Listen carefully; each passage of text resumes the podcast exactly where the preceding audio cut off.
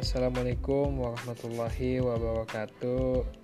Uh, saya Muhammad Madani dari kelas SNSB. Di sini saya akan uh, memberitahu bahwa uh, aplikasi uh, pemerintahan yaitu Star Banjar. Uh, aplikasi berbasis digital ini diluncurkan Dinas Kependudukan dan Pencatatan Sipil di Sdukcapil Kabupaten Banjar, Kalimantan Selatan. Aplikasi yang dinamai STAR tersebut bertujuan untuk meningkatkan pelayanan administrasi kependudukan. Uh, secara resmi, launching aplikasi ini dilakukan oleh Sekretaris Daerah Kabupaten Banjar Haji Muhammad Hilman pada Rabu uh, 4, 4 Desember 2019. Aplikasi Star Banjar ini merupakan salah satu program inovasi di Sdukcapil Kabupaten Banjar. Aplikasi yang berbasis Android tersebut sudah bisa diundih, diunduh di Google Play Store. Inovasi yang dilakukan oleh Disdukcapil dalam rangka menuju Disdukcapil Go digital dengan launching aplikasi Star. Harapannya bisa membawa kemudahan mempercepat pelayanan administrasi kependudukan kepada masyarakat Kabupaten Banjar. Kepala Disdukcapil Kabupaten Banjar, Azwar, mengatakan pencapaian kepemilikan akta kelahiran akan ditingkatkan dan dipercepat dengan layanan digital melalui aplikasi STAR. Uh, kata beliau, kita mengupayakan percepatan pemilik kepemilikan khususnya untuk akta kelahiran. Tujuan utama dari pengembangan aplikasi STAR ialah pertama, mempermudah masyarakat untuk pengajuan akta kelahiran, akta kematian, akta perkawinan, dan akta perceraian. Kedua, mempermudah masyarakat untuk pengajuan surat keterangan pindah dan surat keterangan pindah datang. Ketiga, mempermudah masyarakat untuk pengurusan perubahan data kependudukan. Jadi di dalam aplikasi Star Banjar ini terdapat tujuh menu, yaitu e, merubah data kartu keluarga, pengurusan akta kelahiran, akta kematian, akta perkawinan, akta perceraian, uh, ke pengurusan pindah keluar, uh, lalu pindah datang. Jadi aplikasi Star Banjar ini sangat uh, mempermudah warga Kabupaten Banjar khususnya pada masa pandemi ini dikarenakan di Capil juga tidak melayani pelayanan secara langsung. Jadi adanya aplikasi Star Banjar ini sangat mempermudah masyarakat uh, khususnya ya, masyarakat yang sedang ingin mengurus keperluannya di di Dukcapil uh, kalau pengurusan KTP kemungkinan dibatasi juga uh, melalui apa WA dari Dukcapil tersendiri. Namun kita juga masih bisa menggunakan aplikasi Star Banjar ini. Jadi itu saja uh, infonya tentang sistem teknologi informasi dari Star Banjar uh, saya hmm, akhiri podcast ini. Uh, kalau ada kekurangan salah kata mohon dimaafkan. Wabillahi taufiq wal hidayah. Assalamualaikum warahmatullahi wabarakatuh.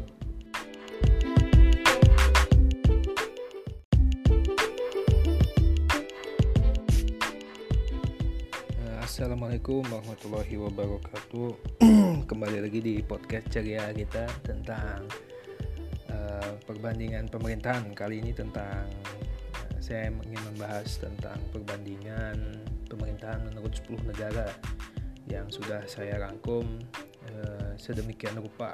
Uh,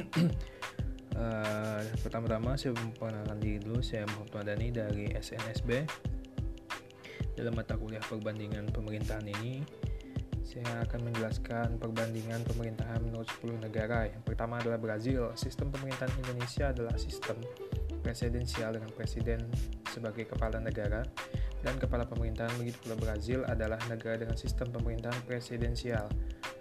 Nah, dengan demikian bedanya adalah bukan pada sistem pemerintahan melainkan bentuk negaranya, di mana Indonesia adalah negara kesatuan dengan bentuk republik, sedangkan Brazil adalah negara federal dengan bentuk republik. Jadi di Brazil pemerintahannya terbagi atas negara-negara bagian, sedangkan di Indonesia tidak demikian. Yang kedua adalah Meksiko, bentuk negaranya adalah federasi. Federasi adalah sebuah bentuk pemerintahan di mana beberapa negara bagian bekerja sama dengan membentuk kesatuan yang disebut negara federal. Bentuk pemerintahan adalah republik. Pemerintahan republik adalah bentuk pemerintahan yang berasal dari dipilih rakyat untuk dipimpin atau dikepalai oleh seorang presiden untuk masa jabatan tertentu. Negara Meksiko menganut sistem pemerintahan presidensial. Sistem presidensial itu atau disebut juga dengan sistem kongresional merupakan sistem pemerintahan negara republik di mana kekuasaan eksekutif dipilih melalui pemilu dan terpisah dengan kekuasaan legislatif.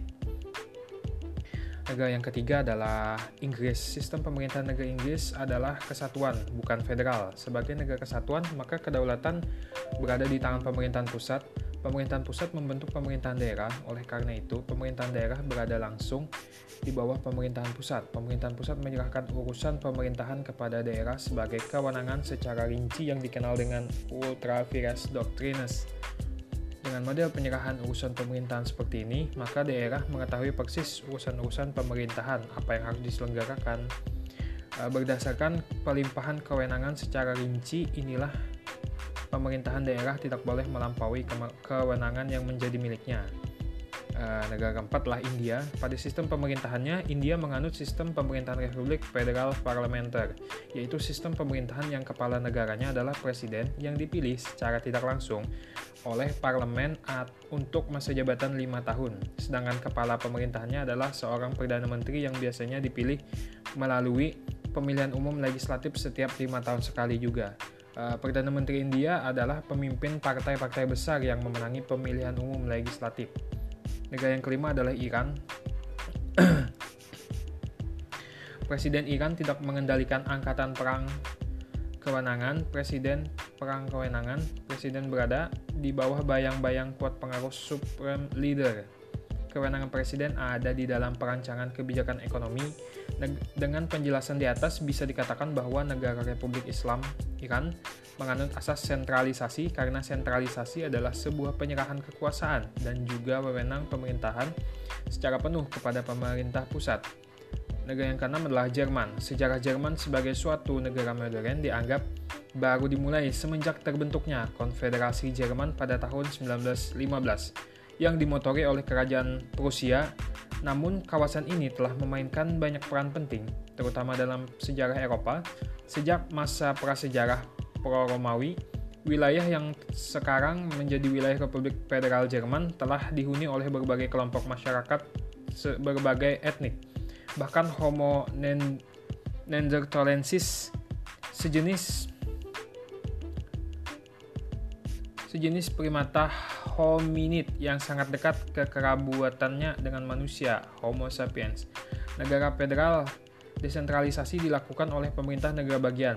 Di negara federal sering kali undang-undang konstitusi negara federal meng mengatur umum umum saja keberadaan pemerintah daerah di negara tersebut seperti di Jerman. Negara Kesatuan Republik Indonesia dalam penyelenggaraan pemerintahannya menganut asas desentralisasi, dekonsentrasi, dekonsentrasi dan tugas pembantuan. Nah, negara yang ketujuh adalah Jepang. Jepang merupakan negara mon monarki konstitusional dengan kepala negara seorang kaisar. Meskipun Jepang merupakan negara monarki, kaisar memiliki batasan sebab bentuk pemerintahan yang dianut monarki konstitusional atau patuh terhadap peraturan perundang-undangan. Jepang merupakan negara dengan sistem pemerintahan parlementer. Kepala pemerintahan dipegang oleh Perdana Menteri. Kaisar hanya merupakan simbol dan pemersatu rakyat. Itulah inti dari sistem dan bentuk pemerintahan Jepang. Bentuk pemerintahan negara Jepang adalah monarki konstitusional.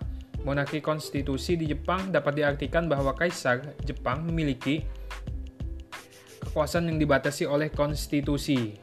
Negara yang kedelapan adalah Belanda. Belanda adalah sebuah negara dengan bentuk pemerintahan monarki konstitusional juga.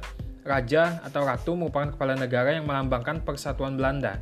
Raja atau ratu terkait pada konstitusi dan fungsinya lebih banyak bersifat seremonial, namun juga memiliki beberapa kewenangan yang merupakan kelanjutan dari tradisi uh, tradisi The House of Orange. Raja atau ratu dalam hal ini menunjuk formatur yang akan membentuk dewan menteri, Council of Minister. Setelah dilakukan pemilihan umum, pemerintah negara pada dasarnya terdiri dari tiga institusi utama, yaitu ratu, dewan menteri, dan parlemen atau States General.